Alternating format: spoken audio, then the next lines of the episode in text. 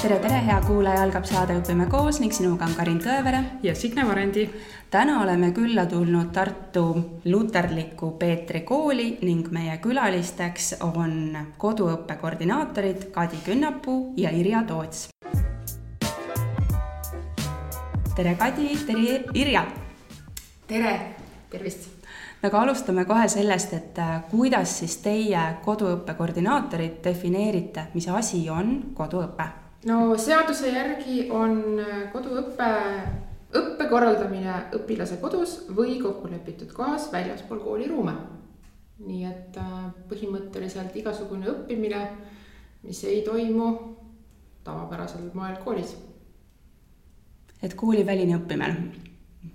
Jah, et äh, koduõpe jaguneb ka erinevateks liikideks, et on olemas tervislikel põhjustel koduõpe või haiglaõpe et äh, haiglas käivad õpetajad, kes äh, aitavad haiglasse mõneks ajaks äh, sattunud noortel edasi jõuda.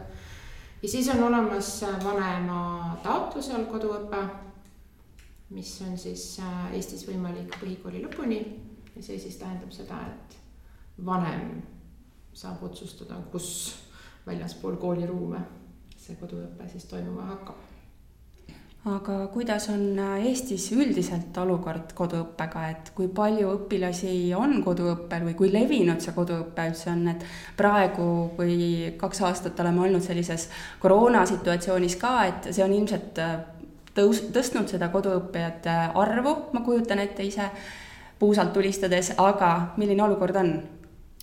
Jaa, tõesti, meie oleme tegelenud koduõppe osakonnas äh, kolm aastat nüüd ja selle aja jooksul oleme kasvanud siis ühest koduõppijast kuni üle saja koduõppijani. ja mm, ma arvan, et umbes sarnane olukord on ka veel paaris koolis, kus on palju koduõppijaid, sest seal on olemas koduõppe koordinaatorid. aga kokku ma tean, on Eestis umbes kuussada koduõppijat, kellest siis ma arvan, et umbes pool on koolides, kus on koduõppe koordinaator aga pool on siis oma tavakoolis nii-öelda, kus nad on enne koolis käinud ja siis on otsustanud jääda koduõppele vanema soovil. aga mis need põhjused on, et Irja ennem mainis siin, et on ka tervislikel põhjustel, et mis need peapõhjused on, miks koduõpe valitakse? tervislikel põhjustel koduõpe on täiesti teine asi kui vanema taotlusel koduõpe et mis see põhiline erisus on, võib-olla ongi see, et vanema soovil koduõppe puhul on vanem see, kes finantseerib ja vastutab ja korraldab selle koduõppe. aga tervislikel põhjustel koduõppe puhul peab, kõigepealt esiteks on mitu komisjoni Rajaleidjas ja eriarstid peavad andma selle soovituse, et sellel õppijal või noorel on seda vaja ja siis korraldab kool selle koduõppe. enamasti on siis niimoodi korraldatud, et on natukene vähendatud äh, mahus, ta peab käima koolis kohapeal. erandkorras käivad õpetajad hoopiski lapse juures kodus või noh, tegelikult on see pigem isegi reegel vist, et kui on selline tervislikel põhjustel koduõpe, siis vastavalt lapse vajadustele see korraldatakse ja umbes kaheksa tundi nädalas individuaaltundidena on see korraldatud kooli poolt. aga meie siin täna ei räägi sellest tervislikel põhjustel koduõppest, vaid äh, meie oleme siis koduõppe osakonnas, äh, meie koordinaatorid koordineerivad vanemaid, kes on ise soovinud oma laste õppe korraldada ja finantseerida mm. vanema soovil koduõppena mm.. et nagu sa, Kadi, ütlesid, et tervisliku põhjusega koduõppele jäänud lapsed, need on üks teema, aga meie keskendume siis sellele teisele teemale, kus vanemad on teinud teadliku valiku või pere on teinud teadliku valiku ja teil on olemas koolis koduõppe suund sa rääkisid siin numbritest, kuidas kolme aasta jooksul on see olnud plahvatuslik tõus, et miks siis see koduõpe järsku nii popiks on muutunud, mis need põhjused on? ma arvan, seal on mitu põhjust. esiteks ma arvan sellega, et meil on palju lihtsam teha kodus tööd, vanematel on kodukontorid. paljudel siis nad kuidagi näevad, et äh, on neil võimalik kodus teha tööd ja küllap siis ka lastel on võimalik teha ja kuidagi imelik on võib-olla saata hommikul kaheksaks oma lapsi kooli ja ise jääda veel kohvitassi taga kuidagi niimoodi kodukontorisse et võib-olla see koroonaaeg näiteks ka oli hea nii-öelda õpetaja perede jaoks et tegelikult on paljudel peredel, ma ei ütle, et kõigil oli see lihtne, siiski statistika ja meil uuringud ju näitasid, et äh, kuidas see oli, Irja, kas kolmandikul äh, peredel tegelikult äh, oli see tagasiside, et neile meeldis ja nende jaoks oli see lihtne, see distantsõppe kogemus? no uuringu küsimus vist oli pigem selles, et kolmandikul lastest see sobis ja neil läks paremini. kolmandikul läks halvemini, kui neil oleks läinud ja see keskmine nelikümmend protsenti oli siis, kellel ei olnud nagu vahet. et võib-olla see tõus on ka selle, sellest koroona äh, mm. eriolukorra sellest kogemusest siis äh, tingitult ka viimase aasta jooksul olnud suur. aga üldiselt mulle tundub, et vanemad on kuidagi teadlikumad sellest, mis on õppimine ja mis see kõik võiks olla ja kuidas õpikeskkonda oma lastele kujundada ja ka sellest, et millised õppijad nende lapsed on või et millist õpikeskkonda just nende laps vajaks, et selliseid teadlikke vanemaid on minu arust järjest rohkem mm. -hmm. ja siis nad tunnevad, et nad on võimelised oma laste jaoks seda tegema noh, samas võiks ka öelda, et ega just nimelt pärast, ütleme koroonast lähtuvalt ei ole need numbrid nüüd väga katastroofiliselt tõusnud. et selles mõttes me saame nagu öelda, et see ei ole mingi paaniliste vanemate noh, hordid, kes nüüd otsustavad, et nüüd nad hakkavad ise midagi tegema, et see siiski mulle tundub, on jäänud nagu selliseks teadlikuks valikuks vanema poolt. Ja võib-olla ka elustiili muutus üleüldse, eks ju, et kui me räägime või... ka sellest, et kui palju erakoole on viimastel aastatel tulnud, et noh, see kõik näitab seda, et me oleme teadlikumad. ja põhimõtteliselt äh, nii nagu me üldse ühiskonnas tahame, et meil oleks mitmekesine valik, et nii on nagu hariduses lihtsalt see üks mitmekesise valiku võimalus ka näiteks äh, koroona tõmbas nagu piirid peale, eks ole, aga et tegelikult kui on reisiva eluviisiga pere, kahe koduga pere, et äh, kõik sellised asjad on ka, mis on nagu seda koduõpet süvendanud või huvi selle vastu süvendanud, aga siiski mitte nagu noh abitusest või, või nagu siuksest meeleheitest lähtuvalt? ma arvan ka, et pigem see on ikkagi see teadlikkus ja, ja julgus sellest äh, positiivsest distantsõppe kogemusest. sest koduõpe tõesti annab selle paindlikkuse nii ajas kui õppimise viisis äh, perede jaoks. ma mõtlen ka seda, et äh, et kui nüüd vanemale väga selgeks sai, et tõesti laps on öelnud ka, et koolis on nagu igav ja et tal ei ole, noh, ta ammu teab seda kõike ja, ja nüüd ta tõesti nägi, kuidas, kuidas see õppimine oli seal distantsõppe perioodil, et nüüd ta võib-olla mõistab kuidagi rohkem last, et laps tahaks rohkem võib-olla stimuleerimist ja, ja mingeid teisi noh, natuke tõsta raskusastet, et meil ju tegelikult on mitu protsenti meil on andekaid lapsi koolides, kellel tõenäoliselt ongi selle keskmisega võrreldes ju iga tundides. Et ta tahaks küsida, aga väga ei ole selleks aega nendeks vastusteks, ta tahaks ju iseseisvalt teha siis rohkem, aga noh, seda tal tihtipeale ei võimaldata. Mm, et, et siis koduõpe on nende perede jaoks ka väga, väga vahva väljakutse ja võimalus no aga siin on kindlasti natukene erinevus see, et äh, distantsõpe on ikkagi see, et kus õpetaja andis konkreetsed ülesanded. minu jaoks koduõpe on see, et lapsevanem võtabki endale selle vastutuse nüüd, et tema otsib need materjalid, tema uurib seda õppekava ja ainekava, et et saan ma õigesti aru või ikkagi on, nüüd on see koordinaatorite roll siin tuleb mängu? No seaduse järgi, kui vanem äh, finantseerib, vastutab ja korraldab, siis äh, jah, algab sellest, et äh, igale koduõppijale tuleb teha individuaalne õppekava.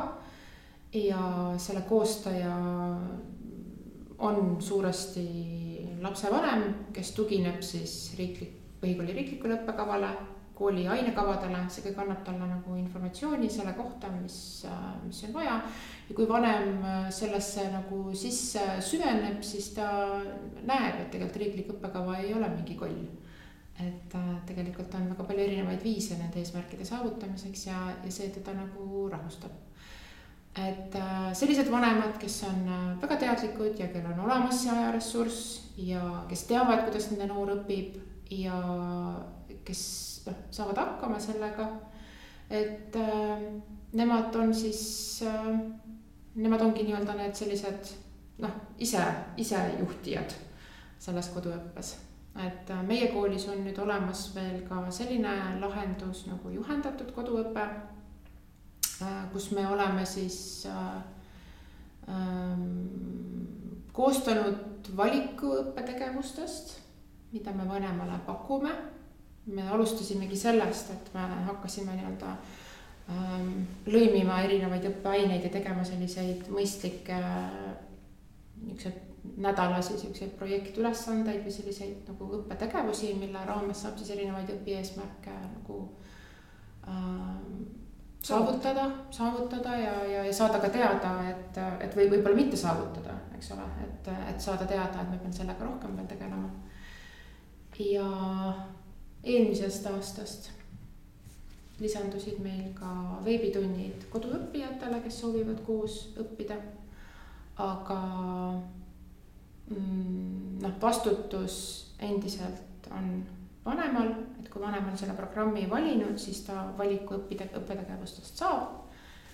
ja, ja muus osas äh, noh, kui tema lapsele see näiteks ei, ei sobi, siis ta saab ise disainida ikkagi selle koduõppe. Et selliseid, ütleme mm,, kuivõrd eesmärgiks on, äh, on Ähm, katta või nii-öelda, et, et laps omandaks selle, mis on riiklikus õppekavas kirjas, siis tegelikult vanemal on väga palju erinevaid viise selle tegemiseks, et hästi palju nüüd sõltubki sellest, et, et, äh, et kui noh, ma arvan, et edukus, võib-olla koduõppe edukus võib-olla sõltubki sellest, et kui kiiresti ja kui paindlikult vanem saab aru, mida ja kuidas tema laps teeb või ei tee ja, ja suudab siis talle sellise, sellise noh, võimaluse või, või ütleme, need, need erinevad võimalused siis välja pakkuda. Ma arvan, et tänapäeval on see kuidagi väga lihtsaks tehtud äh, koduõppevanema jaoks, sellepärast et on olemas veebipõhised õpikeskkonnad, mida meie koduõppepered ka endale kõik saavad, on Opiku keskkonnas õpetaja vaade siis on äh, väga palju veel kohti, kus on äh, õpetajad ise loonud selliseid kas äh, õpikeskkondi või blogisid või me teame Kristo Siig, kuulsad ajaloovideod Youtube'is ja on ka matemaatikas, ma tean Marika matemaatikat paljud kasutavad. Ühesõnaga väga palju on vanematel võimalik kasutada sihukest valmis, valmis asja ja siis valida veel nende seast, millise õppimisviisiga noh, minu laps konkreetselt on koduõppija ja et mis talle kõige paremini siis peale läheb, kas videod või tekstid või äh, mis iganes. paljud koduõppijad käivad ka huviringides omandamas äh, ka riikliku õppekava eesmärke, on olemas äh, Tartus, meil on suurepärased võimalused selleks. muusikakoolid, spordikoolid, trennid, loodusmaja, loodushuviringid loodusteemadel et siin võib-olla ongi see noh, oluline, et äh, mida koduõppija koduõppest saab, on võib-olla õpikeskkondade mitmekesisus. et äh, üldiselt koduõppijad on äh, noh, erinevalt nii-öelda distantsõppe arusaamale või, või üldse mingisugusele sellisele üldisele vaatele koduõppe kohta, koduõppijad ei ole isolatsioonis Äh, vastupidi, nad käivad väga erinevates kohtades õppimas. ja noh, oma laste pealt ma võin öelda, et nad kindlasti käivad rohkemates kohtades, kui nad üldse jaksaksid või jõuaksid kooli kõrvalt käia. et, äh, et see noh, ühesõnaga, et see, see, see vanema teadlikkus õppekava eesmärkidest ja sellest, kuidas neid saab üleüldse, mis võimalused on olemas Ehm, noh, see nagu lihtsustab mõnes mõttes vanema olukorda, eks ole, või noh, ei pane talle sajaprotsendilist nii-öelda nagu noh, ka, ka oma ajaressurssi, eks ole, kas ma olen see, kes istub oma lapsega kolm või neli tundi päevas laua taga, kindlasti mitte. et miks ma seda peaksin tegema jah, et paljud pered on ju ka pannud nii-öelda pead kokku või siis rahad kokku ja võtnud kellegi kas kolmanda kes siis annab eratunde kas keeleõppes näiteks selle kahe pere lastele, et tuleb ikkagi odavam, või siis on äh, mitte rahaliselt teinud koostööd, vaid äh, just nimelt nagu jaganud seda ajaressurssi, et mina teen meie lastele matemaatikat, sina tee meie lastele, ma ei tea, keelt või kirjandust või ajalugu või et käige koos õppekäikudel Irja on siin sõidutanud erinevaid koduõppijaid, kuidas sa oled kolmanda kooliastme ajalugu teinud õppekäikudega? ja oi, ajalugu oli väga lihtne, sest Eesti on seda täis, et see ei ole üldse probleem. panedega lapsed autosse ja? jah, et mina olen küll tihti nagu just äh, seda teinudki, et kuivõrd mulle meeldib kõige rohkem sõita ringi ja arutleda, eks ole, asjade üle, siis ma topin omale autosse nii palju koduõppijaid kui mahub ja, ja saan nendega sõita ja samas on ka selge, et, et mingisugused asjad mulle üldse ei meeldi ja siis ma hea meelega saadan oma, oma, oma pere koduõppijad kellegi teise juurde, kes teeb midagi. et niisugune kogukondlik ja, ja sihuke õlg-õla tunne, et see on. see on hästi kosutav ja see on meil algusest peale olnud ka eesmärk ja ma arvan, et seetõttu meid ka leitakse järjest, sest noh, tõmmatakse oma tuttavaid kaasa kes juba meie juures on, et, et see kogukond nagu niimoodi kasvabki, me igakuiselt äh, oleme võtnud eesmärgiks, et teeme nii-öelda perepäevi meie kooli koduõppeperedele. tulla saab siis koolimajja, võtta lapsed kaasa, neil on oma töötoad või õppetegevused. Igale kooliastmele püüame midagi põnevat leida ja vanematele on siis omad sellised tugigrupid või, või mingid tegevused või vestlusringid. kes ei saa kohale tulla, oleme võimaldanud seda ka üle Zoomi teha paralleelselt minu arust on need olnud sellised mulle endale küll väga jõustavad ja vahvad ettevõtmised, eriti kui oli see eriolukord, et ei saanud kokku saada. me otsustasime, et me ei lõpeta kokkusaamisi üle veebi. et siis oli küll väga-väga mõnus oli vestelda mõttekaaslastega. Aga, aga koduõppijatel ka kindlasti äh, on vahva saada kord kuus siin kooliruumides kokku ja näha, et, et ta, ta ei ole mingi üksi kuskil oma koduõppega, vaid, vaid selliseid on selliseid lapsi, kes on sellistes peredes, kes äh, õpivad kodus, on, on väga palju. ja nad on nii toredad. ja kuivõrd nüüd ka erinevad need äh, asutused väljaspool koole, muuseumid või, või noh, mis iganes keskused, eks ole, et nemad pakuvad ka äh, isegi no ütleme äh, kindlalt välja öeldult õppekavaga seotud mingisuguseid tegevusi, nagu meil tulebki esimene õppekäik kohe sinna äh,. Võrtsjärvele. ja, ja. Järve muuseumisse juba mm -hmm. välja kuulutatud, eks ole, teise kooliastme õppekäik, samas me hoiame ise ka silmad lahti ja, ja äh, koondame koduõppijaid näiteks ütleme kolmandas kooliastmes, kus on oluline juba mikroskoopide kasutamine või mingisugune selline äh, noh, keemia, füüsika katsed ja sellised asjad, et siin me saame ka vanemat toetada sellega, et me perepäevadel on siis mingisugused töötoad, kus ütleme selliseid asju, mida kodus enam noh, väga ei tee, eks ole. et äh, katlakivi võib kodus veel eemaldada, aga sealt edasi juba läheb natuke keerulisemaks. Et siis nemad saaksid ka ikkagi kättpidi teada, kuidas piiritusega ei maksa tuld kustutada, mis siis ettevedelik on ja, ja, ja kõik sellised asjad et äh, no ütleme, see on nagu see valik äh, õppetegevustest nii-öelda või õppeülesannetest, mida me siis pakume. aga vanemal on alati valik äh, midagi võtta, midagi jätta.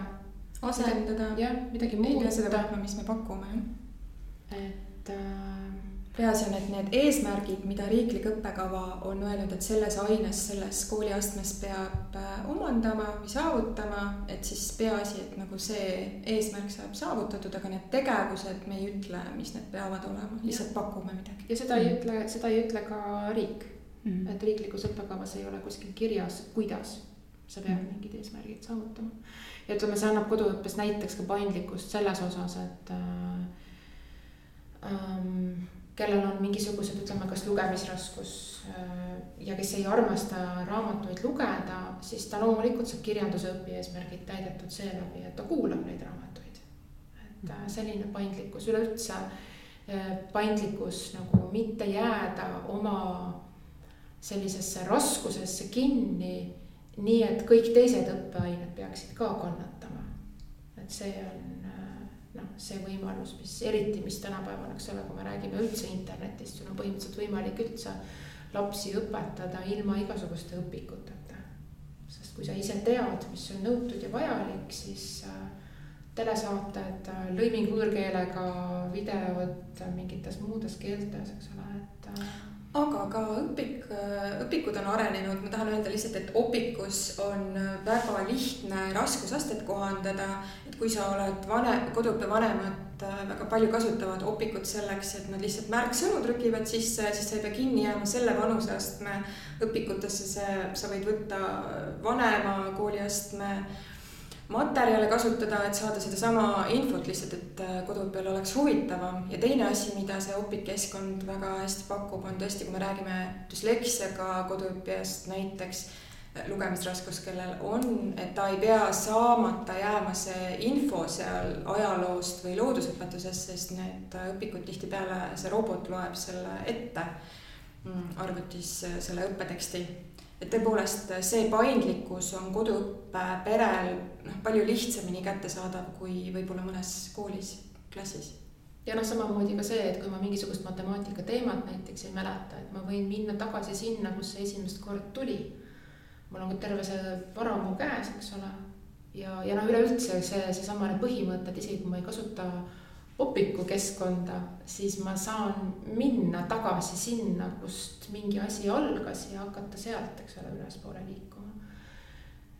või ka see paindlikkus, äh, mis me oleme rääkinud, mõned pered teevad tsükliõpet Äh, et sa saad, äh, noh, sa oled nii huvitatud mingist ajaloo teemast näiteks ja sa ei pea ütlema talle, et ei, ei, ei, et noh, et praegu me teeme siin pausi, me läheme selle ainega edasi või et ei, ei, ei. see teema tuleb hoopis sul selles seitsmendas klassis, et ootame nüüd ära vaid et see paindlikkus, et sa saad lapse huvi ära kasutada ja, ja minna edasi selle teemaga, selle õppimisega ja saad juba selle kirja panna, fikseerida selles samas individuaalse õppekava töökavas.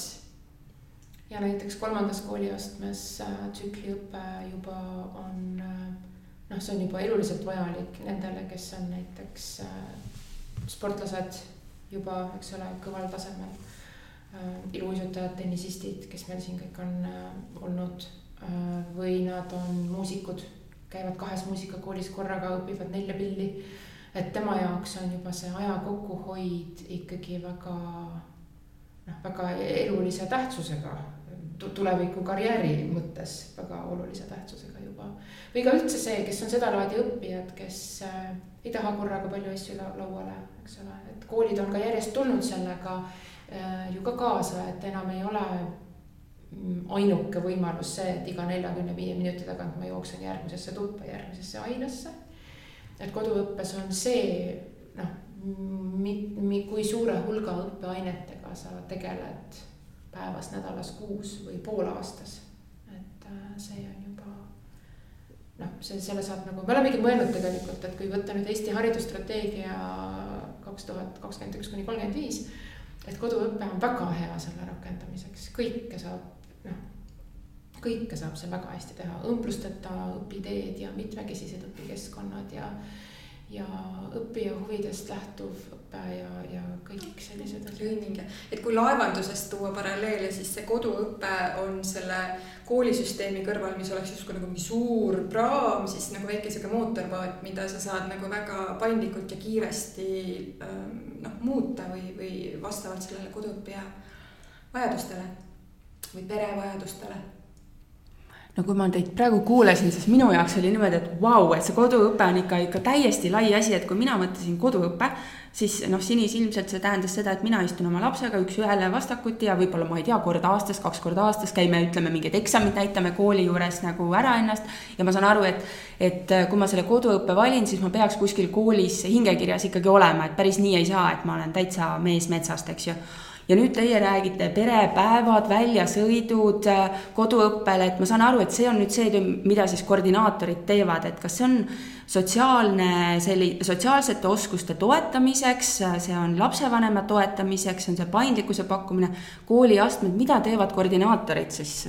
et ma saan aru jah, et te pakute seda tuge, aga mis see teie töö siis täpselt on? siin oli nii mitu küsimust. ma tean jah, ma jõudsin mm. -hmm mulle kõige rohkem kriipis kõrva see sotsiaalsete oskuste toetamine et võtame siis selle korraks selle teema hambusse või kahvli otsa. et see on nagu tõesti üks esimesi asju, mida küsitakse, kui koduõppepere julgeb kuskil seltskonnas öelda, et ta võttis nüüd oma lapsed koduõppele, aga kuidas siis need lapsed sotsialiseeruvad mm. -hmm et see on natukene juba naljakas, sest äh, noh, võiks ju küsida, et aga millal koolis need lapsed teil seal sotsialiseeruvad, et millal nad saavad üldse seal koolis suhelda. tunnis ju ei tohi, eks ju, rääkida, kui palju siis neid rühmatöid meil tänapäeval koolides toimub, et enamasti, kui kuulad klassi ukse taga, siis ikkagi on ju vaikus tunni ajal. vahetunnid on hästi lühikesed ja hakitud ja lärmakad, ütleks et äh, mina tean ikkagi väga palju koduõppeperesid, kes ongi just sellepärast nagu valinud koduõppe, et siis äh, saab pakkuda lapsele sellist terviklikku, tervet, mitmekesist ja mm, sügavat äh, suhtlemiskogemust. ehk et koduõpetajatel on tõesti palju rohkem aega ja võimalusi ja valikuid seda nii-öelda siis sotsialiseerimist või suhtlemist oma koduõpetajale pakkuda mm aga miks te toote nad kokku, miks on äh, perepäevad, äh, et kord kuus kogunete koolis, teete väljasõite, planeerite, miks need on vajalikud? mulle tundub, et see on ikkagi hea, et äh, tutvuda omavahel, eks meil on küll ka sotsiaalmeedias kinnised grupid selle jaoks ja meililist, aga ikkagi selline päris kohtumist, teineteist näha ja vaadata, kas pere nagu leiab kellegi, kellega lapsed klapivad omavahel, kellega koostööd teha jah, et tavaliselt see käibki ju meil niimoodi, et äh, vanematele on mingisugune noh, mingisuguse suunaga tegevus. on see siis näiteks mõne, mm, mõne aine õpieesmärkide saavutamine koduõppes, eks ole, või et noh, meil on niisugune nagu ideelaat või selline, äh, kus vanemad saavad jagada kogemusi ja saada uusi ideid ja, ja proovida seda, mida keegi näiteks on juba teinud ja just nimelt see, et kuivõrd nad on erinevas vanuses, et see ei ole mitte lapse, ühe klassi lapsevanemate koosolek, eks mm -hmm. ole. vaid see on ju tegelikult esimesest üheksanda klassini. et äh, kui näiteks sa kuuled, et keegi on midagi lugenud, vaadanud äh, vanema klassi lapsega, aga sa tead, et sinu omal on juba praegu huvi et äh, siis sa juba ju saad nagu ideid. ja, ja, ja pärast, eks ole, laste pool on nagu alati see, et äh, oi, ma sain uue sõbra, ta on võib-olla neli aastat minust vanem või, või kaks aastat minust noorem, ta elab seal, kas külla võib. et äh,, et, et noh, selline, see on ikkagi, ütleme jah, kogemuste ja, ja siukse noh, sidemete ja ideede vahetamine aga kui me räägime ajaressursist, et äh, kui ma olen lapsevanem ja ma saadan lapse kooli, siis äh, jah, ma usaldan kooli, aga minu aeg on nagu mis iganes minu päralt või ma olen, saan tööandjale ennast anda. aga kui ma valin, et ma olen nüüd koduõpetaja ise, siis minu aeg on nagu justkui kinni või kuidas, kuidas see ajaressurss jaguneb nendel lastevanematel, kas nad elavad ja hingavad siis hariduselu nagu täiega? no ma arvan, et esimene asi, mida me tahame vanemale öelda ja mida me ka oma koolitustel räägime et äh, tee kõigepealt selgeks, miks sa koduõppel oled ja siis tee selgeks, missuguse, missuguseid rolle sa tahad ja suudad ise kanda. et äh, ähm, ma arvan, et nii-öelda koduõpetaja, ma ei tea, kas sa tead kedagi meie vanematest, kes on koduõpetaja rollis mul ei tule praegu kedagi pähe. et, äh, et selles mõttes ähm, et kes istuks nagu viis päeva nädalas hommikust õhtuni ja õpetaks oma last, ei tea ma ühtegi. ei tule jah, ei tule ühtegi. enamusel on ikkagi mingit sorti noh, oma töö ja, ja, ja isiklikud äh, käigud ja tegemised. et see on ka üks asi, mida koduõppija peab õppima, oma aega planeerima ja kokkuleppeid sõlmima oma vanematega, et kui nad vajavad milleski abi, siis nad ei saa nagu peale lennata, et, et kus sa oled, ma vajan sind nüüd, vaid et noh, arvestada sellega aga see on küll tõsi, et päris ikkagi niimoodi ei saa, et on näiteks äh, laps on üksi kodus ja justkui on seal siis äh, noh, peaks justkui olema õnnelik, rõõmus koduõppija, vanemad on tööl, tulevad pärast koju, on väsinud, et niimoodi need asjad ikkagi ei tööta. ja seda, seda nad, pered saavad ise ka ikkagi kohe aru, kui, kui on nagu mingi illusioon olnud, et niimoodi me saame hakkama, aga, aga siis enamasti noh, poole aasta pärast me oleme ikkagi koos otsustanud, et, et see ikkagi ei ole päris koduõppe mõte. ühesõnaga, et vanem ikkagi mingi mõistliku ajaressursiga peab olema, arvestama Mm -hmm. ja teisipidi jällegi noh, ma võin enda seisukohast jällegi öelda, et, et ähm, ma arvan, et oluliseks muutub ka see, et sa hakkad nägema õppimist ka sellistes kohtades, kus sa varem seda ei näinud. ja, ja see annab selle lastega koos veedetud ajale hoopis teistsuguse sisu, et ühesõnaga, et ma ei pane ennast mingisugusesse õpetaja rolli. vaid me lihtsalt teemegi nagu asju koos ja kui ma vanemana tean, mis on nõutud riiklikus õppekavas, siis ma näen seda noh, seda seda tegevust ja, ja neid, neid oskusi arenemas ja tekkimas ja, ja, ja, ja äh, täienemas ähm,. iga päev, iga hetk, igas suvalises kohas. see on suurepärane kvaliteetaeg tegelikult lapsevanema ja lapse vahel. no just ja, ja noh, ütleme natukene ka see, et, et tegelikult me räägime ju, me räägime, ütleme sellisest äh, õppekavalisest õppimisest et ütleme nendest õppetegevustest, mis on, ütleme tõesti seotud noh, näiteks matemaatikaoskuste omandamisega või eesti keelega või, või, või võõrkeelega või, või ütleme selliste, ütleme sihukeste nagu põhiainetes mingisuguste väga spetsiifiliste teadmiste ja oskuste omandamine, mis õppekavas on kirjas. ja siis me räägime sellest õppimisest, mis, mis lihtsalt meie ümber on. et äh, seda märgata igalt poolt mujalt näiteks minu arust, jah, vabandust, aga et inimese õpetus on väga suures osas lihtsalt nagu vanema ja lapse ja üldse mitte ainult vanema ja lapse vestlustest või igapäevaolukordade analüüsimisest äh, ära tehtav, kui võib sellist sõna üldse kasutada. siis käsitöö ja kodundus, noh, tõesti, me ju kõik tahame, et laps õpiks süüa tegema, teaks, mis on tervislikud eluviisid ja Mm, kuidas on võimalik äh, koristada, korras hoida. või et kui, ma ei tea, vanaema ütleb, et tal rõdupõrand on kogu aeg märg, et sa lähed ja teed talle siis mingi põrandaresti sinna, eks ole.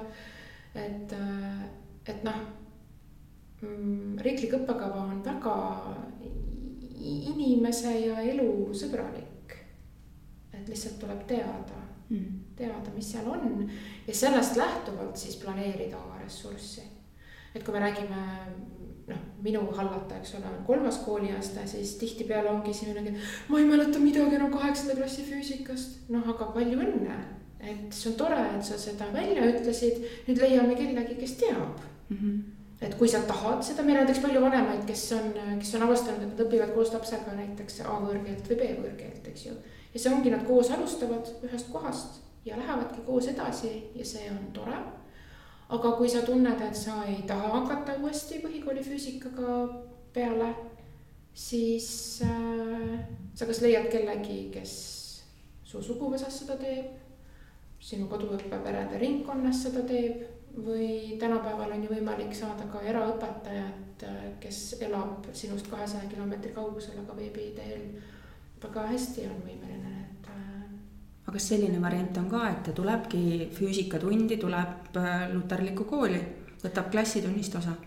see ei ole võimalik, et mhm. üldiselt äh, noh, ütleme sellistes, sellistes koolides, kus on igas klassis või võib-olla isegi mitte igas klassis, eks ole, aga kust on läinud üksik laps koduõppele mingisugusel äh, kokkulepitud viisil ja moel.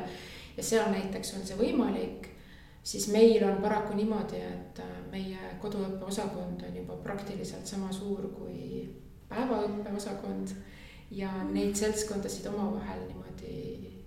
ma arvan, et see ei ole ainuke põhjus, miks see ei ole võimalik ja miks seda ei tehta ja ma arvan ka nendes koolides, kus äh, niimoodi, et üks laps nagu hakkab õppima nii-öelda vist hübriidina siis, et äh, osaleb mingites tundides et seda ikkagi koduõppeks ei nimetata, et siis siis leitakse sellele mingi muu termin, on see siis distantsõpe või e-õpe või hübriidõpe või igal juhul ei ole see vanema soovil koduõpe, vähemalt mitte selles tähenduses, mis meie siin üritame rääkida mm.. aga kas iga vanem sobib koduõpetajaks, et äh, kas te teete kuidagi mingit taustakontrolli vanematele või peredele selles mõttes, et kas nad on nagu päriselt valmis? ma saan aru, et on koolitused ja nii edasi, aga, aga mis te teete? no kui vanem esitab meile taotluse, äh, siis äh, me muidugi ütleme tere tulemast ja lepime kokku sellise ühise vestluse.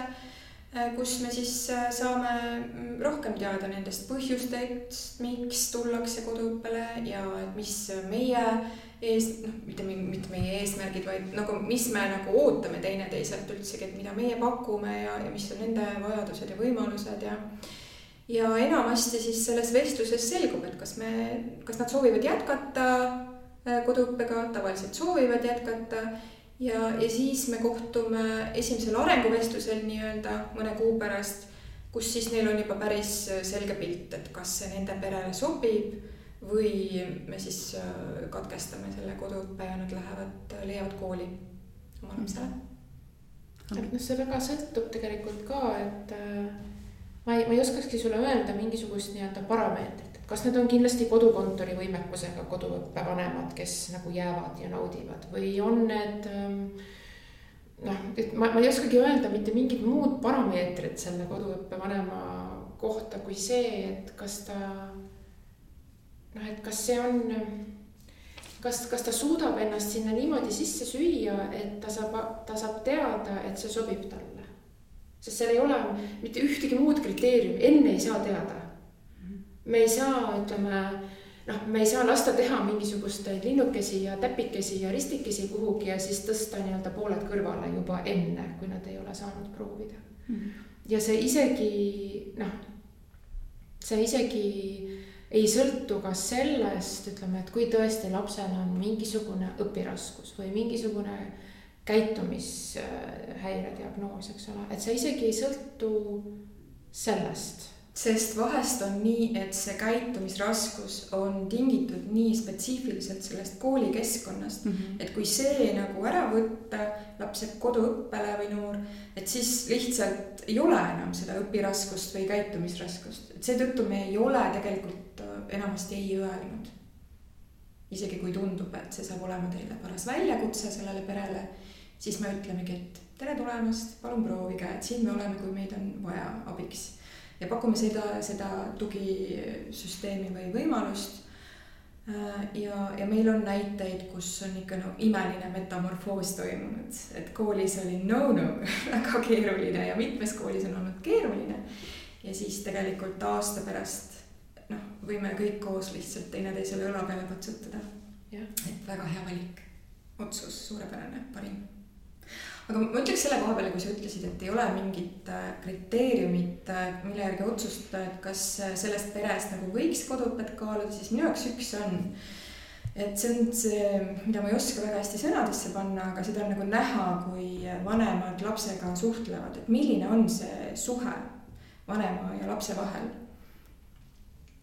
ja ma ei oska nagu seda öelda, et milline see siis peaks olema nüüd nii täpselt, mul ei ole hetkel neid sõnu, aga, aga umbes peab seal olema ikkagi selline vastastikune austus, kokkulepete tegemise võime, oskus, teineteise kuulamine, mõistmine. kui seda ja. ei ole, siis saab ikka väga raske olema. ja noh, lapse poolt ikkagi nagu eakohaselt selles mõttes, et vanem noh, vanem ei saa eeldada midagi, mis ei ole eakohane. et äh, tihtipeale noh, võib olla kuidagi alguses selline arusaam, et äh, noh, et koduõppes on väga palju iseseisvat õppimist ja noh, ma ju ütlesin sulle, kuidas või mida nüüd teha, et noh, et, palun tee. et äh, noh, et kõik need oskused tahavad arendamist, et koduõppes sul on lihtsalt kordades rohkem äh, võimalust ja aega nendega kuhugi jõuda selleks ajaks, kuhu sa noh, mis ütleme, riiklikus õppekavas on ju äh, sees meil äh, üldpädevused. et äh, nende üldpädevuste arendamisega päriselt sinna jõuda, kuhu kooliastme lõpuks on vaja jõuda, et koduõppes on see, on see väga palju reaalsem kui, kui koolikeskkonnas. aga et ka see on midagi, millest sa pead olema teadlik ähm,. jah no võib-olla mõni asi veel, et kui tuleb välja, et äh, näiteks äh, see pere on olnud Waldorf süsteemis, siis me alati soovitame ka äh, Rakvere Waldorf kooli, kus on Waldorf õppekava.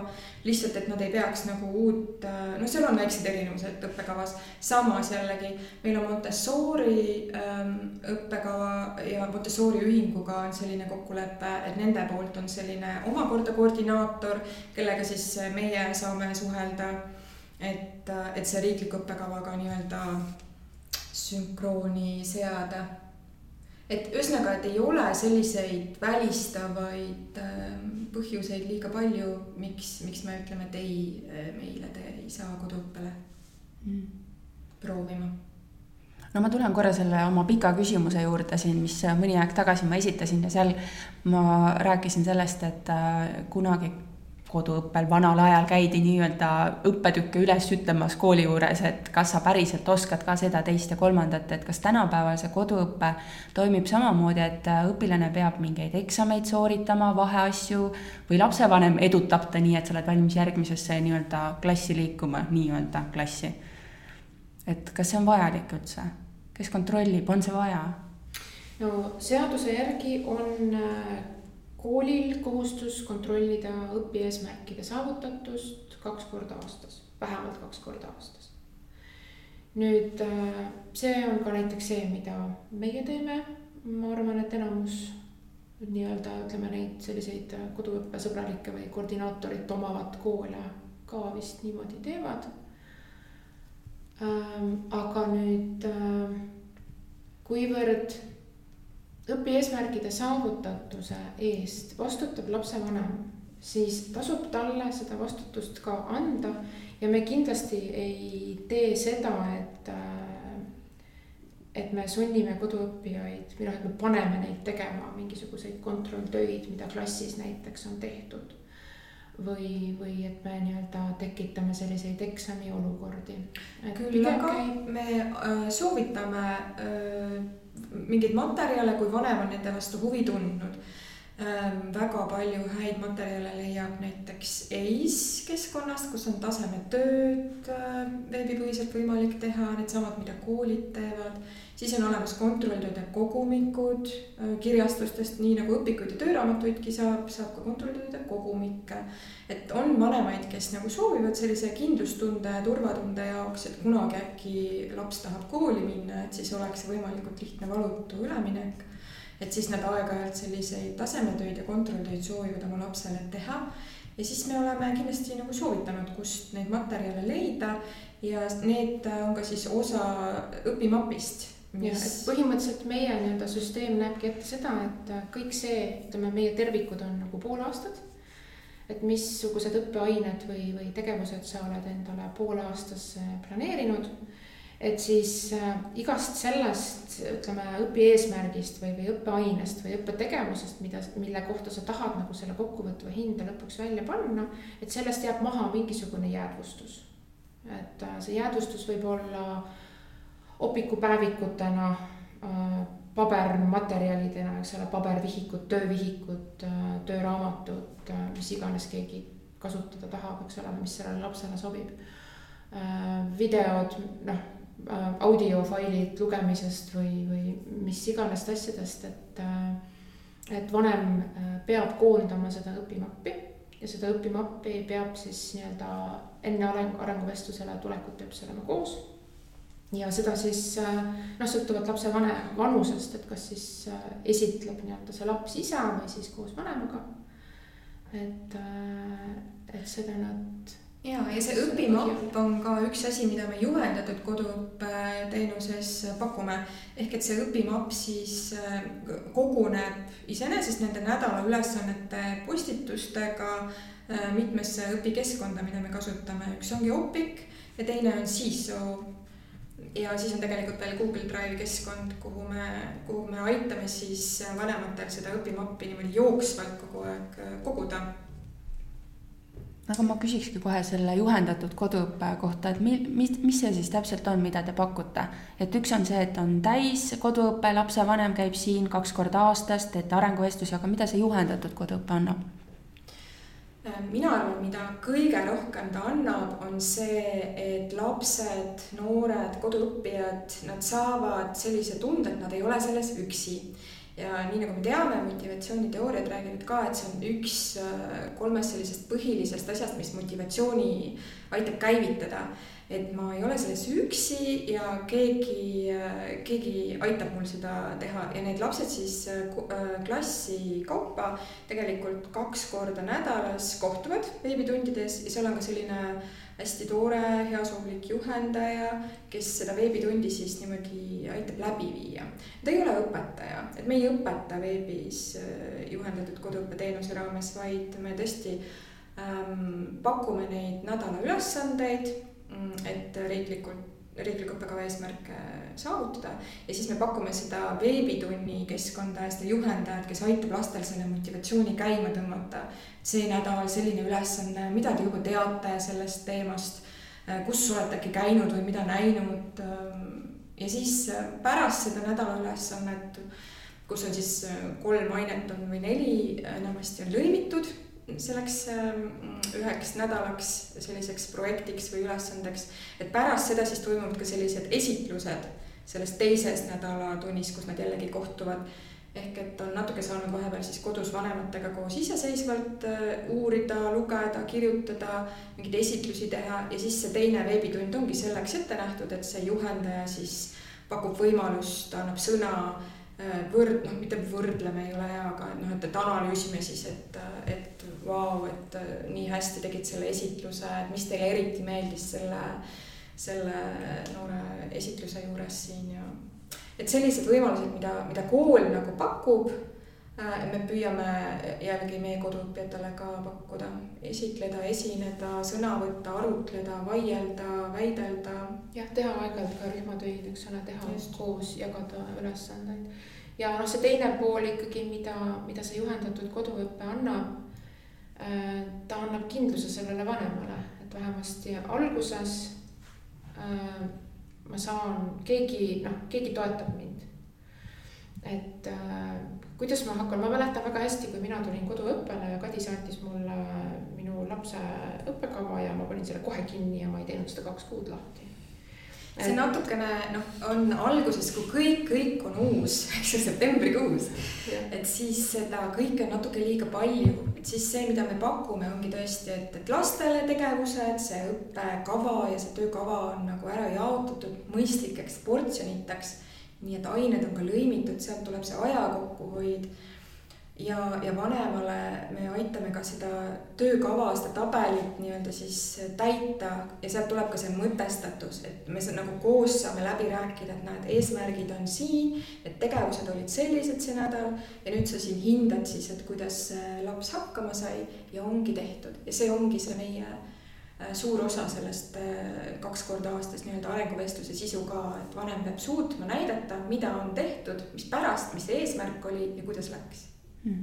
Nii et nüüd ma saan vastuse oma küsimusele, ma järgmisena tahtsin küsida, et, et äh, kas on vahet, et millises koolis laps seda koduõpet korraldab, siis igal juhul tasuks valida selline kool, kus on olemas koduõppe koordinaatorid, kes äh, juhendavad ja ongi toeks sellele lapsevanemale ja lapsele, on õige? no kui tahta jah, teha, ütleme sellist äh, noh, see, mida meie võib-olla nimetame sihukeseks tõupuhtaks mm -hmm. vanema soovil koduõppeks et äh, aga samas on ju meil ka selliseid näiteid, kus on äh, tegemist mingi väikese, väikese kohaga, väikese kooliga ja ütleme sellise lapsega, kellele tegelikult sobib distantsõppe stiilis äh,. tema ainukene probleem koolis käimisega ongi võib-olla see, et ta on lärmitundlik või talle ei meeldi need päevavalguslambid ja nende mingi võbeldamine, eks ole.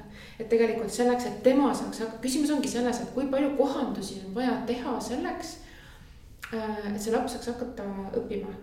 et äh, kui talle tegelikult, noh, ma arvan, et üha rohkem koole ju tuleb ka sellega nüüd kaasa, eks ole, et kui me räägime tõesti ainult väga-väga väikestest detailidest näiteks füüsilises õpikeskkonnas siis tegelikult ta vajakski just nimelt nii laps kui see vanem, nad vajaksid distantsõppe stiilis tuge, eks. et, äh, et, et, et seda jällegi meie ei saa pakkuda. Ähm, et, äh, et ütleme sellist äh, ka võib-olla ütleme päris niisugust, ütleme noh, nagu me nimetame niisugust aineõpetuse tunnid või, või, või sedalaadi asi et, et sellisel juhul äh, ei ole vaja noh, nii, kuidas ma ütlen, uhhuuks minna või et, et ja no ütleme kolmandas kooliastmes, kus noored on ise juba päris teadlikud, et noh, siin alles meil oli koolitusel üks lapsevanem, kes kes, kes ütles, et tal poiss oli öelnud, et noh, et, et vaata, et sa oma elu pekki ei keera. et, et noh, et, et selles mõttes, et nad on ise juba ka teadlikud, kolmandas kooliastmes tegelikult äh, minul on ikkagi väga palju väga erinevaid näiteid, kus noored ise otsustavad ja nad võivad olla hoopis teist tüüpi õppijad, kui nende vanemad või nende vanemad arvavad, et nad on. ja, ja see teadlikkus, mille nad koduõppes nagu iseendast saavad et see on ikkagi väga oluline, kui me räägime sellest, et me tahaksime, et nad muutuksid iseseisvaks, ennastjuhtivaks ja kõigeks selleks, et siis tuleb anda neile võimalus seda teha. Äh, mitte kogu aeg, et keegi teine ütleb, mida ja mis ajaks sa pead tegema, eks ju. et äh, võib-olla annab koduõpe lihtsalt ka selleks aega. ta annab aega palju suuremas ulatuses eksida, mööda panna äh, teha asju, mille tagajärjel sa pärast ütled, et mitte iial enam, aitäh eks ju. et äh, nagu noh, mu oma poegki, tema nagu tihtipeale nende, jah muidugi, mina läksin väga leili, kui ma nägin, et seitsmenda klassi ajalugu. nii äge, vaatasin, Eestis saab kõik teha, eks ole, praktiliselt algusest lõpuni ja ja, ja siis mingisuguse teise või kolmanda nii-öelda sõidu eel, kui ma hakkasin juba rääkima siukse, et vaata, et vaatame siin, loeme ja kuulame siit midagi, tema ütles, et oh ei, mitte jälle mingisugune uhuu asi, et pane mulle lihtsalt opikusse need ülesanded eks mm. -hmm. et ajalugu ei ole see koht tema jaoks mm, -hmm. kus ta niimoodi tahaks ja viitsiks, eks ole, mööda Eestit ringi lennata ja, ja rännata, et tal on mingi teine koht. ja minu asi on siis vanemana nagu ära tunda, et kuidas me missugust ainet õpime, et nagu see ka, et. et see õpimapp võib väga erinevate ainete osas olla väga erinev. midagi me teemegi väga-väga koolilikult selleks, et midagi muud teha hoopis noh, väga-väga lennukalt, eks ole. kas äh, nüüd oli juttu jälle sellest kolmandast kooliastmest, aga nüüd esimene kooliaste, et, et milline see nagu trend on, et kas vanemad panevadki kohe esimesse klassi ja haridustee algabki esimesse klassi nii-öelda esimeses siis või alustavadki koduõppega oma haridusteed või on pigem see kogemus, et tullakse ikkagi siis tavakoolist ja minnakse koduõppele ja tullakse teie juurde ma arvan, et see on see teadlikkuse küsimus jälle, et mida rohkem vanemaid on teadlikud sellest, et koduõpe on tegelikult täitsa nagu pädev värk, see ei ole mingi ähm, nihuke isolatsioon või, või, või, või ka üle mõistuse ja üle jõu käiv. et meil on esimene kooliaasta ikkagi suurenenud järjest esimesse klassi, igal aastal nende hulk on, on üha suurem ah,. jah, aga kuidagi noh, vahest on see, et, et lapsed ise on mingi ootusega, et kõik seal on nii haibitud ja see, et kool ja algab esimene september, esimene klass ja kõik see on nii pidulik. ja siis noh, vahest juhtub see, et ikkagi proovitakse see esimene kooliaasta ja siis on nagu kõigile selge, kaasa arvatud ka laps, et et tõesti, et koduõpe vist ikkagi võiks olla midagi, midagi teistsugust ja paremat selle pere jaoks et.... aga vastupidist näidet et alustab äh, koduõppelt ja saab aru, et ei, see ei ole mulle, läheb tavakooli. kui tavaline see on teie kogemuses või praktikas? ikka juhtub mm, -hmm. mitte liiga tihti. jah, aga samas äh, noh, meil ikka jah, meil ikkagi on ja selles mõttes on väga hea, et Eestis ongi nii-öelda õmblusteta õpitee on, on võimalik. et kui inimesed nagu rakendavad seda ja kasutavad seda siis see muutub nii-öelda üha, üha õmbluste vabamaks mm. -hmm. sest meil on ka selliseid, minul kooliastmes on praegu kaks sellist õpilast, kes on tulnud, läinud ja tulnud tagasi mm. -hmm. et, äh, et see, see ei ole, see ei tohiks olla midagi sellist, noh, enneolematut või või, või mõnikord on ka see, et vanem nagu ütleb, et ma ei tea, mu laps tahab vist kooli minna, ma ei tea, mis me nüüd nagu teeme, noh, meie ütleme, et noh, jumal hoidku. et noh, et minge ja, ja noh, te teate, kus me oleme, on teate seda protseduuri, kuidas nagu vajadusel tagasi ja. ja, ja, ja tihtipeale, mis, mida mina tahaksin öelda selle koduõppe kohta, on see, et see on hästi muutuv. et äh, see, kuidas see pere seda koduõpet teeb, sa tahad öelda, on hästi muutuv, et vanemana sa pead olema paindlik märkama neid muutumise vajadusi või siis nendega kaasa minema, et see oleneb nii palju sellest, kui vana on laps, mis tema elus toimub. Ja, ja kooli kontekstis äh, see võibki tähendada seda, et see põhjus sellel lapsel koduõppel olla äh, sai otsa mm. -hmm. et äh, ja, ja sinu roll vanemana on seda märgata siis see, seesamane, see kogu seesamane see teadlikkus, eks ole mm, -hmm. et mida su laps vajab ja kuidas ta kõige efektiivsemalt äh, õpib. ja noh, ütleme kolmandas kooliastmes on nagu, on rohkem õpilasi, kes tulevad ikkagi koolitraumaga, eks ole, et vanem on ikkagi üritanud seda asja kuidagimoodi toimimas hoida. teisipidi on, on äh, nooremates klassides täiesti eluterve see, et ma võib-olla tulen ja olengi kaks-kolm aastat ja siis ma lähengi tagasi, sest ma otsustan, et, äh, et me kõik oleme küpsemad. see vajadus näiteks mul teha koolis neid asju, mida ma enne tegin, noh, nii suure vastikusega, et see ajas mul närvid krussi. et nüüd ma tean, milleks mul vaja on, ma tahan loomaarstiks saada, noh, selge see, järelikult kaheksandast klassist kooli ja keemia ja füüsika ja siis gümnaasium ja, ja noh, et, et seesamane see Äh, see põhjus midagi teha. et see, see, seda peab, noh, seda peab, selleks peab olema, selle sõnastamiseks peab olema valmis ja selle muutumiseks peab olema valmis. jah, no mina minu lapsed on praegu üks ja kolm, on ju, ja väga hästi mäletan seda, et kohe, kui sünnitusmajast välja saime, pidi ju lasteaia nimekirja panema, et jumala eest sa saaks selle koha ja et ongi jäänud see mulje, et ma pean võitlema, et ma saan selle mingi koha kodu lähedal on ju kooli, et see, aga et see tegelikult on nii paindlik, et me saame nagu minna ja tulla ja proovida ja et seda on minul huvitav kuulata ja, ja ma just mõtlen ka seda poolt, et ähm, seesama andekuse toetaminegi, et kui, kui sa märkad juba, on ju näiteks lasteaias oma lapsel mingisugust andekust mingi teema osas, et siis see koduõpe on, on variant, mida, mida kaaluda. et kuidas teil andekate lastega on, on, on mingeid näiteid tuua sellest vallast? andekatega? minul on küll et on olnud mitu last sellist, kes äh, näiteks kolmandas või neljandas klassis on juba leidnud mingi loodusteaduste huvi ja siis ma saan neile saata juba, et nad saavad kirja panna nii-öelda sellesse töökavasse, noh, kui see huvi peaks olema, et, et ja jagada neid materjale ja, ja seda õpikukeskkonda avada neile, et õpetaja vaatest nad saavad ju kõikide klasside kõiki õpikuid näha ja oma, oma koduõppijale siis neid pakkuda, neid materjale, aga noh, ega see ei ole ainuke koht ja kust ju saab tänapäeval informatsiooni, ei ole mitte ainult äh, õpikutest, eks, aga lihtsalt äh, ja on tulnud tõesti ette ja on tulnud ka selliseid asju ette, et meil koduõppes lihtsalt lõpetatakse poole aastaga näiteks teine klass ja alustatakse juba kolmanda klassi teemadega. või, või on niimoodi kolmas ja neljas klass tehtud äh, ühe aastaga, et et see riiklik õppekava nendes algklassides nii-öelda on noh, ikkagi lihtne, elementaarne, sellises, sellises perekonnas, kus lastega tegeletakse, nendega suheldakse ja on nagu palju erinevaid võimalusi neile pakkuda õppimiseks ja suhtlemiseks, siis need väga kergesti on saavutatavad, need äh, riikliku õppekava eesmärgid. ja siis tõesti, et lastel noh, kui on huvi ka, siis tasub ju seda ära kasutada mm. -hmm ja samas jällegi, kui liikuda vanemate peale sealt, ütleme esimesest kooliastmest edasi, siis tegelikult noh, see kõlab veits banaalselt, aga igalühel on oma andekus. ja nüüd ongi sul nagu koduõppes, sul on võimalik valida.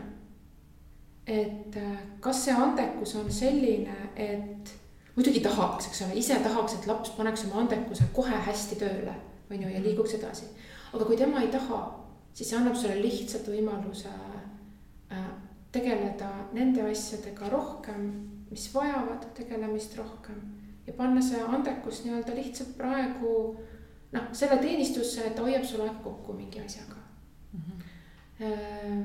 või siis see, et äh, sul on võimalik mingisuguse huviala, vaata nagu üks lapsevanem oli, kes ütles, et kui õppekava oleks kirjutatud hobuste võtmes, meil oleks juba ammu noh kõik klassid läbitud, eks ole, et, äh, et, et sul on võimalus võtta see mingisugune huvi ja andekus ja lõimida teda sellistesse asjadesse, noh, et äh, muidugi me räägime sellest, et teadlik õppija äh, on oluline asi, mida, mida kujundada, aga näiteks neljandas-viiendas või siis äh, mingisuguses sihukeses trotslikus teismeeas, võib-olla ta ei peagi teadma alati, et ta õppis et vanem nii-öelda, et vanemal oli mingisuguse riikliku õppekava asjad ja eesmärgid taustal, kui mingisuguseid asju tehti. sest need lihtsalt noh, nad lihtsalt tulid ja, ja, ja need oskused omandati, eks ole. või isegi ka ütleme kolmandas kooliastmes mina näen ka seda, ütleme ka see aja kokkuhoiu mõte on selles, et äh, me saame, äh, me ei pea tegema maksimumi ja me ei peagi püüdlema selle peale, et me teeme kõikides ainetes maksimumi, ehk siis, et nii-öelda kõik ära. sest et äh, nii nagu koolis on õppijatel väga erinevad hinded nii on ka koduõppijatel väga erinevad hinded. ja, ja, ja noh, see on, see on võib-olla ka üks asi, eks ole, et, et mind noh. Et, et, et kui ütleme, kui hinded on väga madalad, kui lapsevanem paneb lapsele väga madalad hinded, siis see on see koht, kus me natuke nagu vaatame, et noh, kas see on siis, kas see on nii katastroofiline, see olukord, eks ole, et võib-olla midagi on nagu märkamata. Ja, ja teisipidi ka see, et noh, et, et kui kõikides hinnetes on maksimumtulemused, et noh, seda on küll väga harva, seda on tõesti väga harva, et mina näiteks ei ole küll, ma ei ole kokku puutunud äh, olukorraga, kus oleks mingi süsteemset nagu ülehindamist või, või, või ka alahindamist tegelikult. et, äh, et noh koduõppevanem on ikkagi reeglina teadlik inimene, kellel ei ole eesmärgiks hüljata oma laps või tema haridus ja, ja, ja lapse elu nii-öelda nagu pekki keerata, eks ole mm, -hmm. et, äh, et, äh, et noh, see, see on ikkagi selline noh, ikkagi nagu teadlik, teadlik seltskond, kes, kes seal toimetab. aga räägime rahast ka kui kallis on koduõpe, selles mõttes, et põhiharidus on ju tasuta. põhiharidus on õppemaksuta. õppemaksuta mm, -hmm. selge, aga kuidas koduõppega on? Kes rahastab, kas vanem saab selle eest palka, et ta kodus on ja last õpetab teadlikult? mina mõtlen küll, kui ma nüüd kuulan seda juttu siin. Mm, ja tegelikkuses on äh, niimoodi, et pead on justkui Eesti noortel kõigil ühesuurused, aga tavaõppes saab kool pearaha Äh, ühe, üks-ühele nii-öelda koduõppija eest on siis pool nii-öelda pearaha. ja, ja siis tervislikel põhjustel koduõppes, äh, seal on siis veel neljakordne pearaha. Aga jah, et, et selle poole pearahaga meil tuleb siis arvestada.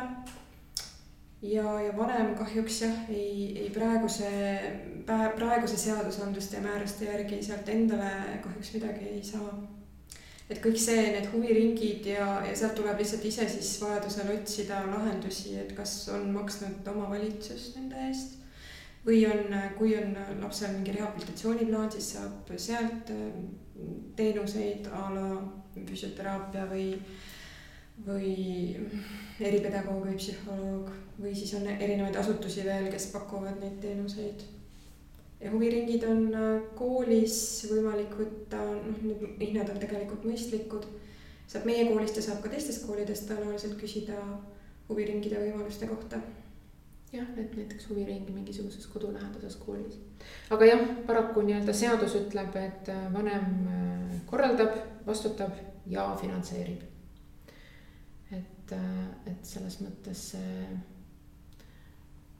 noh, jah, ma ei tea, kas ma olen siis lihtsalt, mul lihtsalt selle rahaga seoses, ma ei olnud varem üldse selle peale mõelnudki.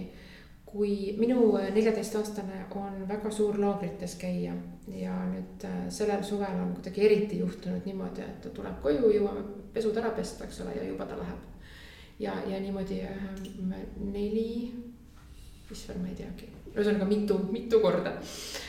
Ja, ja siis küsitigi, et umbes, et need on ju päris kallid. Ja siis ma hakkasin mõtlema, et noh, noh, küll noh, jah, noh küllap ja ma ju pidin midagi maksma, eks ole. aga samas äh, noh, ma, ma olen nagu valinud, ma tean, mida ma saan selle eest. et äh, ja, ja, ja, ja ma nagu näen, kuhu see läks.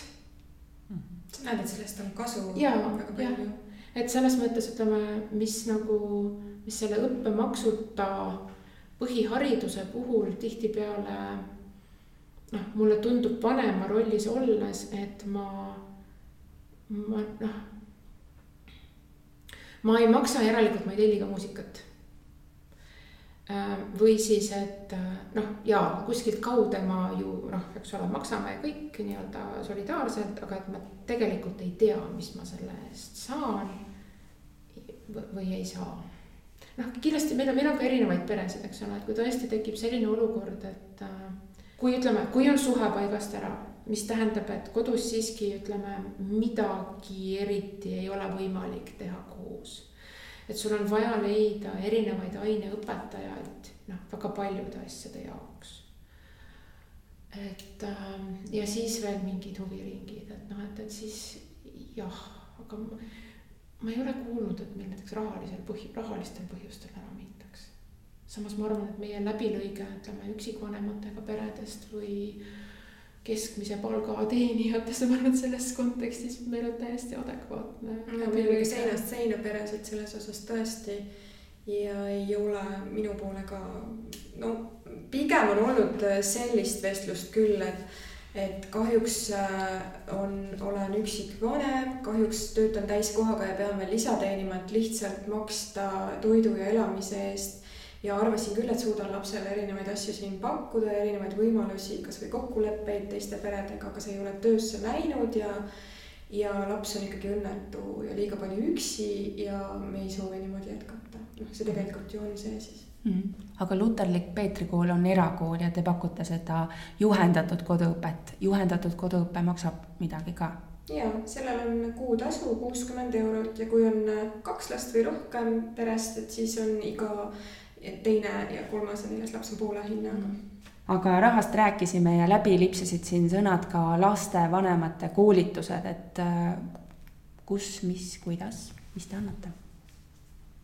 Me just ja lõpetasime ühe koolitusega, mis toimus äh, just nimelt äh, sellistele vanematele, kes on mõelnud alustada koduõppega, aga veel ei ole nagu julgenud või, või siis on alustanud, aga tahaks natukene võib-olla mõttekaaslastega nõu pidada, et kuidas nüüd uuest aast-, õppeaastast uue hooga jätkata või alustada uuesti. ja, ja meil oli, minu jaoks oli küll väga vahvad kolm päeva ja, ja saime ausalt öeldes suurepärast tagasisidet ka, et oli lausa elumuutev koolitus või kogemus teiste arust ja julgeme soovitada küll kuuendal ja seitsmendal nüüd siis kaks, kahe päeva jooksul, kuues, seitsmes november kavatseme siis teha jätku, mitte jätkukoolituse, vaid, vaid uue koolituse.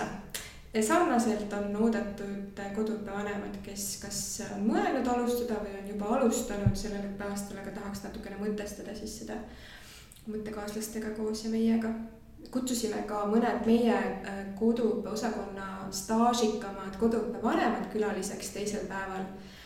ja, ja see oli küll minu jaoks ka nagu nii armas kohtumine ja, ja, ja olemine, kuidas nad rääkisid igaüks oma loost, oma kogemusest, kuidas alustati ja kus nad nüüd on. Ja meie koolituse need vanemad, kes tulid kuulama, ütlesid ka, et see oli väga julgustav nende jaoks neid lugusid kuulata. Enamasti kõik koduõpet puudutav info on, äh, meie jagame Facebooki grupis, mille nimi ongi Koduõpe. et see on avalik grupp ja seal on juba üle kahe tuhande inimese minu teada, et, et seal väga palju erinevat koduõppealast infot liigub, et kindlasti paneme selle koolituse info sinna gruppi ka mm. -hmm no kui ma õigesti aru sain, siis Peetri koolis on äh, väga suur konkurents äh, siia õppima asumisel. kas koduõppesse, kui tulla, on samasugune, et on piir ees või teil on nagu, võtate lõputult neid lapsi siia vastu koduõppesse? ma arvan küll, et meil ei, ei ole põhjust öelda kellelegi praegu ei, lihtsalt äh, see palve on küll, et tehke oma otsus võimalikult vara, et septembris, noh, oktoobris võtame vastu, no võib-olla novembri alguses ka veel, aga siis me tahaks võib-olla keskenduda sellele, et jätkata ja juba valmistuda nendeks äh, arenguvestlusteks poole aasta peal ja nii edasi. Et, et ma arvan, perel endal on ka hea teada ja sellel eelmisel koolil, et, et mis, mis hakkab saama, et soovitame võimalikult vara see otsus teha. kui otsus on tehtud, siis on juba koerast üle, ma ütleks mhm. omast kogemusest ja oma perede kogemusest mm. -hmm no enne kui ma su enda kogemust küsin, mul veel üks küsimus turgatas pähe, et kas koduõppelastel on ka koolivaheaeg või nemad panevad nagu aasta ringi, et ei olegi sellist, et nagu aasta on terviklikult jagatud, et kogu aeg käib õpe, et kuidas ma ütlen, et täna ma sind ei koolitasin, meil on praegu vaheaeg. see on väga hea küsimus. Äh, meil on juba mõned koduõppe teemalised magistritööd isegi tehtud ja äh, Kärt Kao äh, oma on vist aastast kaks tuhat kaheksateist ja see on nii-öelda seal Eesti pered ise ütlevad välja selle, et ütleme, õppekavaliste tegevuste tegemiseks on umbes vaja poole vähem aega. noh, neli kuud, ütleme üheksast. on ka sellised koduõppearvestused, mis ütlevad, et, et isegi kui sa võtad tavalise, ütleme, teise kooliastme õpilase tavalise koolipäeva, siis õppimist kui sellist toimus üks tund ja nelikümmend kaheksa minutit nüüd ongi küsimus selles, et mida sellega siis peale hakata. et äh, mõned on äh, tõhusad ja efektiivsed ja teevadki näiteks selliste intensiivsete sutsakate kaupa ja vaheajal tõesti ja nende vaheajad ei peagi olema nädal, eks ju. Nende vaheaeg võib olla rohkem, kui ta, meil on näiteks palju selliseid, kes käivad kuskil mujal noh, minu kooliastmes ma mõtlen, et nad käivad kuskil treeninglaagrites või mingisugustes spordilaagrites või, või valmistuvad hoopis oma pilliga mingisuguseks asjaks, et ta täiesti teadlikult teebki midagi ära ja siis ta kuu aega võib-olla nii-öelda selle põhiharidusega ei tegele. ja äh, teine võimalus on jällegi võtta kõik see aeg, mis sul on, oma igapäeva sisse et äh, meil tegelikult klassi lõpetamise arenguvestlused nüüd algavad. augustikuu on äh, märksa populaarsem kui juuni. sest et me küll kuulutasime, et võib tulla pool aastat kokku võtma ka juunis, väga vähesed äh, üldse nagu reageerisid. juulis olid mõned üksikud ja enamus tahab augustis seda kokkuvõtet teha, sest suvi on nii ressursirikas on võimalik äh, kogeda, käia, vestelda lastega muidugi. ja on täiesti teadlikult võimalik teatud, teatud õpieesmärgid üldse lükatagi suvesse. et noh, miks ma räägin mugulatest, eks ole, kui maa on külmanud, kui ma palun hakkan, noh, ma alles mais hakkan tegelema nende mugulatega. ja, ja, ja noh, kõik sellised, ütleme, õppekäigud, laagrid erinevad need matkarajad kuussada kilomeetrit ühte, teist ja kolmandat pidi, eks ole, et et hästi palju planeeritakse tegelikult see suvi sinna sisse. aga ei pea, mul on ka selliseid peresid, kes ikkagi mais juba tahavad minna ära maale ja mitte arvuteid kaasa võtta ja siis me lõpetamegi ikkagi suht varakult ära selle teeme kokkuvõtte ja siis kõik see, mis nad suvel teevad, justkui läheb järgmise õppeaasta noh, tegevustesse kirja, et noh, niipidi on ka väga mõistlik. ja, ja näiteks teismelised, kellel on, ütleme teistest koolidest ju sõpru, eks ole mm, -hmm. et äh, tema ütleb ka, aga teistel on koolivaheaeg. aga ma ei taha suve otsa mitte midagi näha, nii et äh, palun nüüd lõpetame ja, ja lähme. ehk et jällegi pered on nii erinevad selles ja seda paindlikkust jagub issand, mul tuleb nagu, mida iganes te ütlete, mul tuleb nagu järgmised kolmteist küsimust nagu kohe. Äh, näiteks see küsimus, et äh, koduõppel, kes need lapsed on ja põhikooli nii-öelda lõpetavad, et kuidas neil edasi läheb? meie üks väga vahva koduõppevanem Kaire Kaur-Daniel on kirjutanud ka raamatu, mille võiks panna sinna podcast'i alla kommentaaridesse, et mhm. seda saab kindlasti tema käest veel osta, kui ma ei usu, et see juba on läbi müüdud igal juhul seal on mõned sellised lood, edulood Eesti koduõppijatest, mis on nendest saanud pärast siis põhikooli, pärast gümnaasiumi, pärast ka ülikooli mõnel juhul. et väga pikk see Eesti koduõppe ajalugu ju ei ole, et meil nüüd teab, mis siin nagu horde ei ole, kes, kes sellest saavad rääkida, kuidas neil imeliselt läheb elu. Aga midagi juba on, et meil on ka juba kaks aastat olnud üheksanda klassi lõpetajaid koduõppes kõik nendest ei ole olnud üheksa aastat koduõppel, vaid on tulnud äh, siis lõpupoole koduõppele.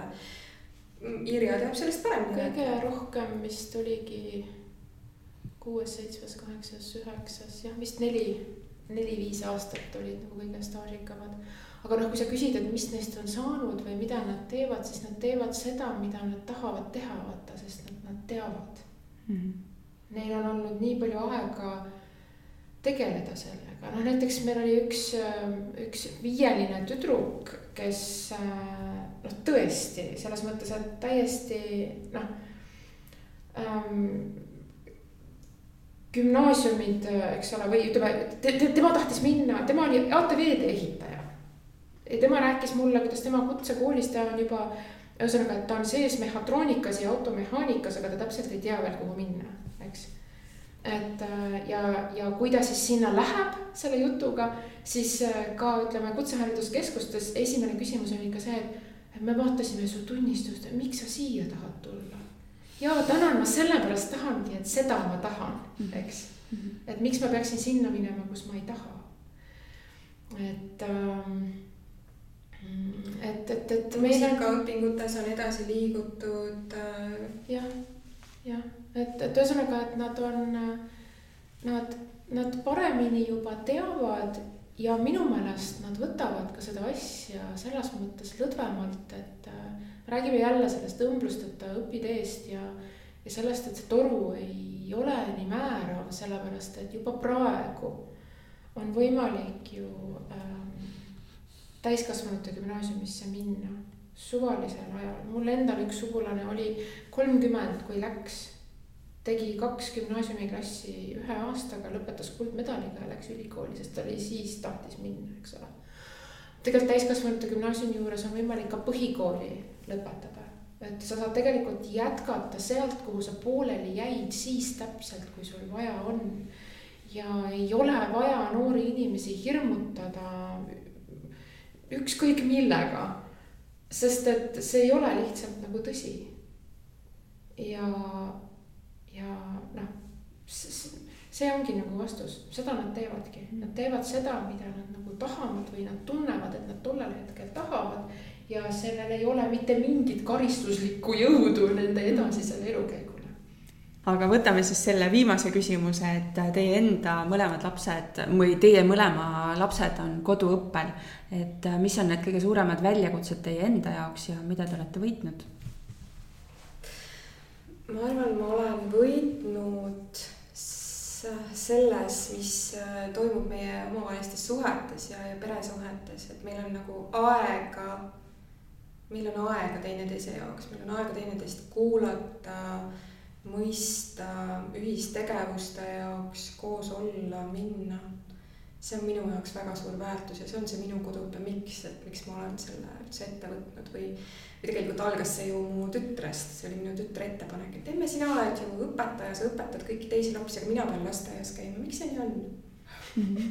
ja ma mäletan siiamaani, kuidas mul tuli kananahk peale, sest ma olin juba kodublooge või noh, neid vaadanud neid küll mitte Eesti omasid, Eesti omasid ka, aga hästi palju on inglisekeelseid äh, blogisid, äh, koduõppevanemad räägivad, kuidas neil see on korraldatud ja kuidas nad väga erinevalt pered seda ju teevad ja siis, aga ma ei olnud sellest kellegagi rääkinud, sest ma olin kindel, et ma ei saa ju hakkama iialgi siukse mm. asjaga nagu koduõpe, aga siis, kui mu laps selle üles nagu viskas selle mõtte, siis mäletan siiamaani, kuidas me vedelesime koos äh, kuskil ja siis särasime ja särisesime ja planeerisime oma järgmise aasta koduõpet koos, et, et ma arvan, see, selle ma olen saanud koos loomine oma lastega, koos olemine ja, ja see suhe.